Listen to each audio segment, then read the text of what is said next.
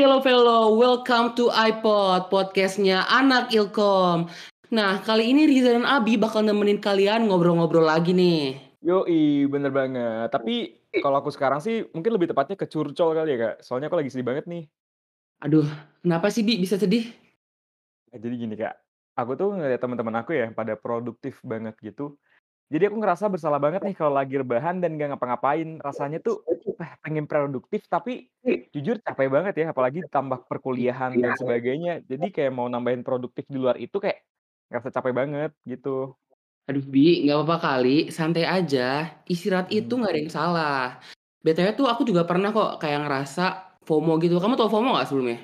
Eh, FOMO itu fear ah fear of missing out ya, bener nggak? Banget. Jadi kayak aku tuh suka FOMO gitu pas orang-orang tuh ikut banyak kegiatan panit atau lomba-lomba gitu. Terus juga ada momen nih di mana aku jadi kayak rakus kepanitiaan gitu loh saking ngerasa FOMO-nya sama orang-orang yang sibuk ya dengan kepanitiaan dan end up aku jadi drop panas dingin kayak tipes-tipes kecil gitu dan ngerasa Hah. dan rasa Oh, nih kayak beberapa kepanitiaan yang aku ikutin tuh kayak nggak berpengaruh gitu sama aku. Ak- oke oke oke. Duh, tapi ya Kak, kalau misalnya ngomongin apa ya, hal-hal yang terkait sama Kak Riza omongin tadi, jujur aku juga gimana ya, ngerasain gitu loh ketika aku misalnya duduk nih lagi santai-santai, terus aku ngeliat di snapgramnya teman-temanku ada yang lagi sibuk ngerjain sesuatu sama teman-temannya di kepanitiaan, bahkan sama teman-temannya mungkin di luar jurusannya, di luar fakultasnya. Jadi aku kayak ngerasa bener, kayak ngerasa FOMO gitu. Terus kayak mikir, ah nih orang ba- kayaknya banyak temen deh gara-gara kepanitiaan, banyak relasi, banyak keahlian jadinya yang ter, eh, ter apa ya, meningkat lah setida- setidaknya gara-gara kepanitiaan gitu. Jadinya ya bener, aku FOMO gitu Kak. Nah, kayaknya aku tahu nih kamu lagi ngalamin apa. Oh, apa itu Kak? Kamu lagi mengalami toxic productivity, Bi.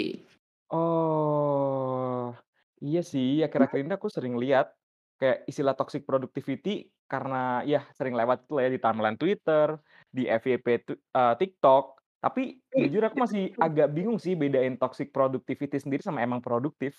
Hmm. Gimana tuh Kak? Kalau yang dari aku lihat dari internet nih, toxic productivity itu merupakan kayak usaha untuk selalu produktif, kayak sesuai namanya lah ya. Mungkin kayak dengan segala cara dan gak mau berhenti, Bi.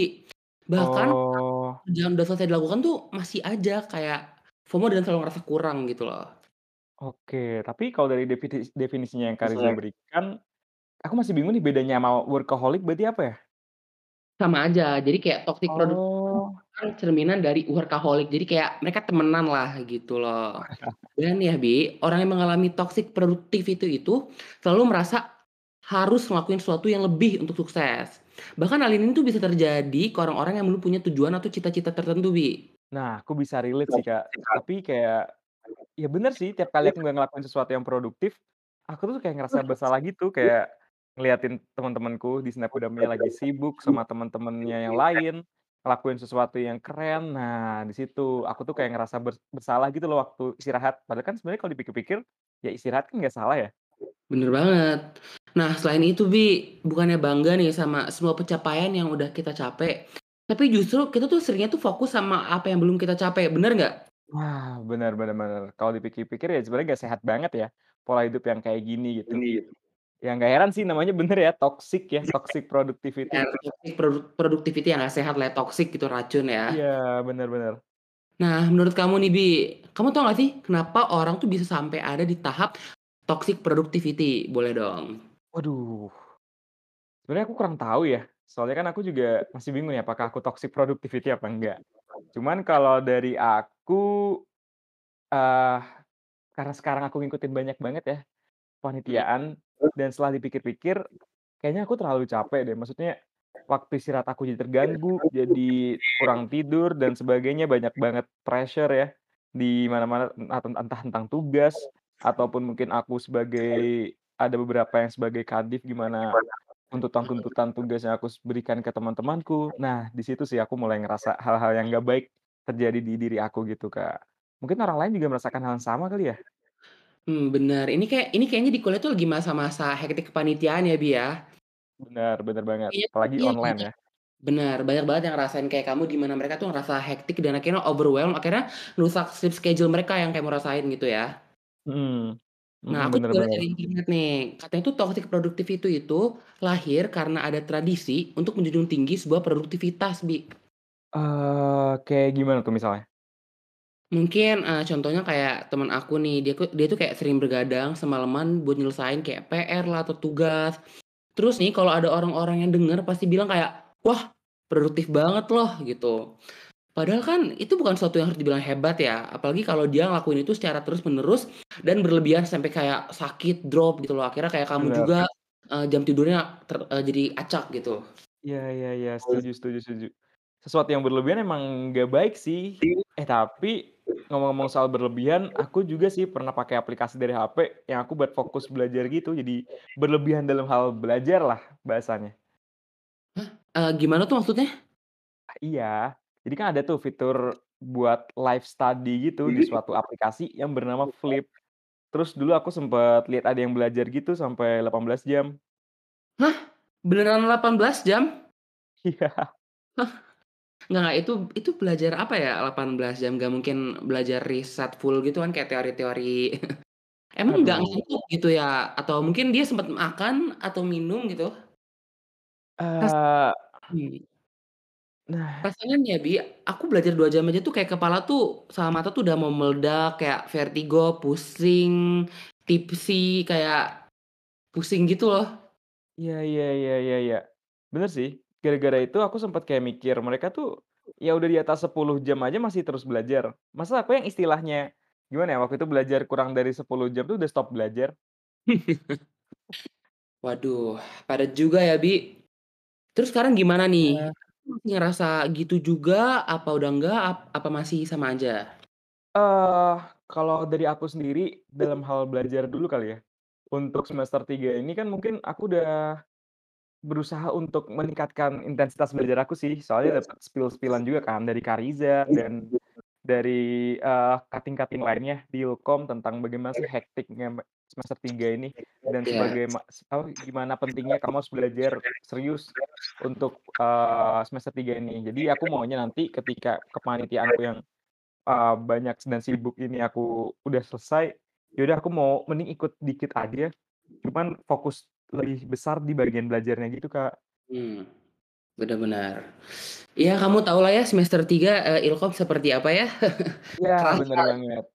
Di apalagi di matkul, eee, inisial M itu ya. Eee, M eee, apa perlu disebut? Nggak perlu ya? Ya tidak. Oke, takut ya. Nah nah ngomongin tadi tuh kamu nyebutin emang kuantitas ya, itu emang bener banget sih, Iya iya. kayak kualitas itu tuh nggak ditentuin, Bi, dari kuantitas waktu belajar seorang. Menurut aku tuh asalkan caranya itu tepat dan efektif, jadi ya manjur aja gitu. Mmm, oke oke oke, bener bener bener. Dan BTW nih, aku juga sempet research sih tadi. Aduh. Waduh, ini ilkom banget ya main-main riset nih. Iya dong, researcher nih. Jadi, katanya toxic productivity ini bisa hadir karena kita nggak nyaman dan takut nih sama pandemi COVID-19. Oh. Ya, jadinya ya jalan keluar nih buat nutupin hal tersebut adalah dengan ngelakuin toxic productivity ini, Bi. Kamu ngerasain nggak sih selama COVID-19 itu Oke, kamu itu bener gitu loh? bener bener. Mungkin karena gimana ya, kayak kita kan terpaksa melakukan kepanitiaan secara online ya. Iya Nah, benar. mungkin dari situ kita jadi nggak nge-enjoy, nggak bisa ketemu temen, jadinya ngerasa capek, gampang capek, gampang burnout, jadinya bener sih, jadinya toxic gitu. Nah, tapi bener banget juga kata Kak Riza, bis atau bisa juga nih ya, kita tuh bisa dibanding-bandingin gitu sama orang lain. Dim ah, dibandingin gimana tuh, Bi, kalau boleh tahu? Ya, gimana ya, kayak misalnya dalam hal yang paling sepele nih, kita pasti punya teman satu yang dia tuh dalam perkuliahan tuh belajarnya emang rajin banget, rajin gitu.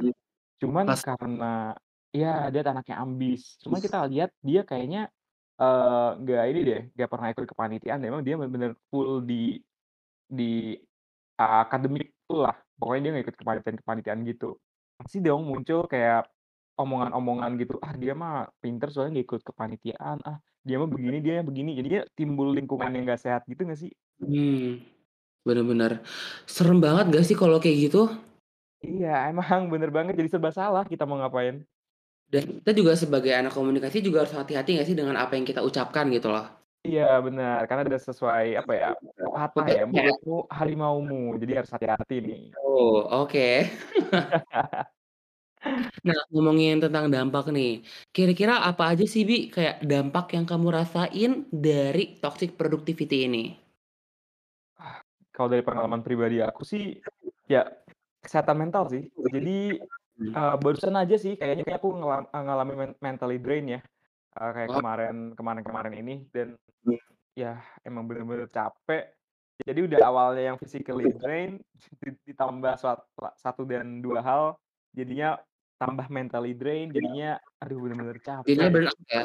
Iya bener-bener burnout banget. Oke, tapi ngomongin burnout aku tuh kurang paham, itu tuh apa sih, Bi?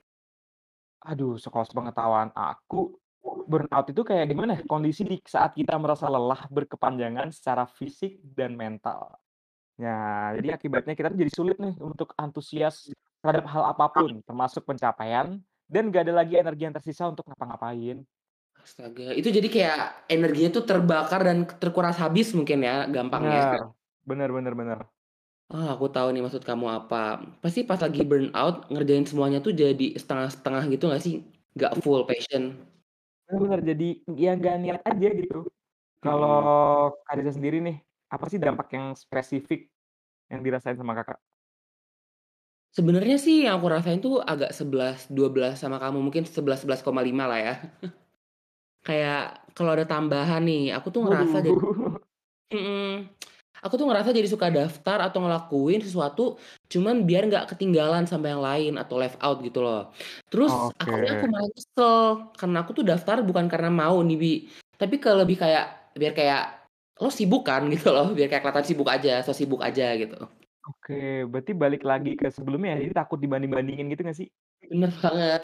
Ah, ngerti ngerti.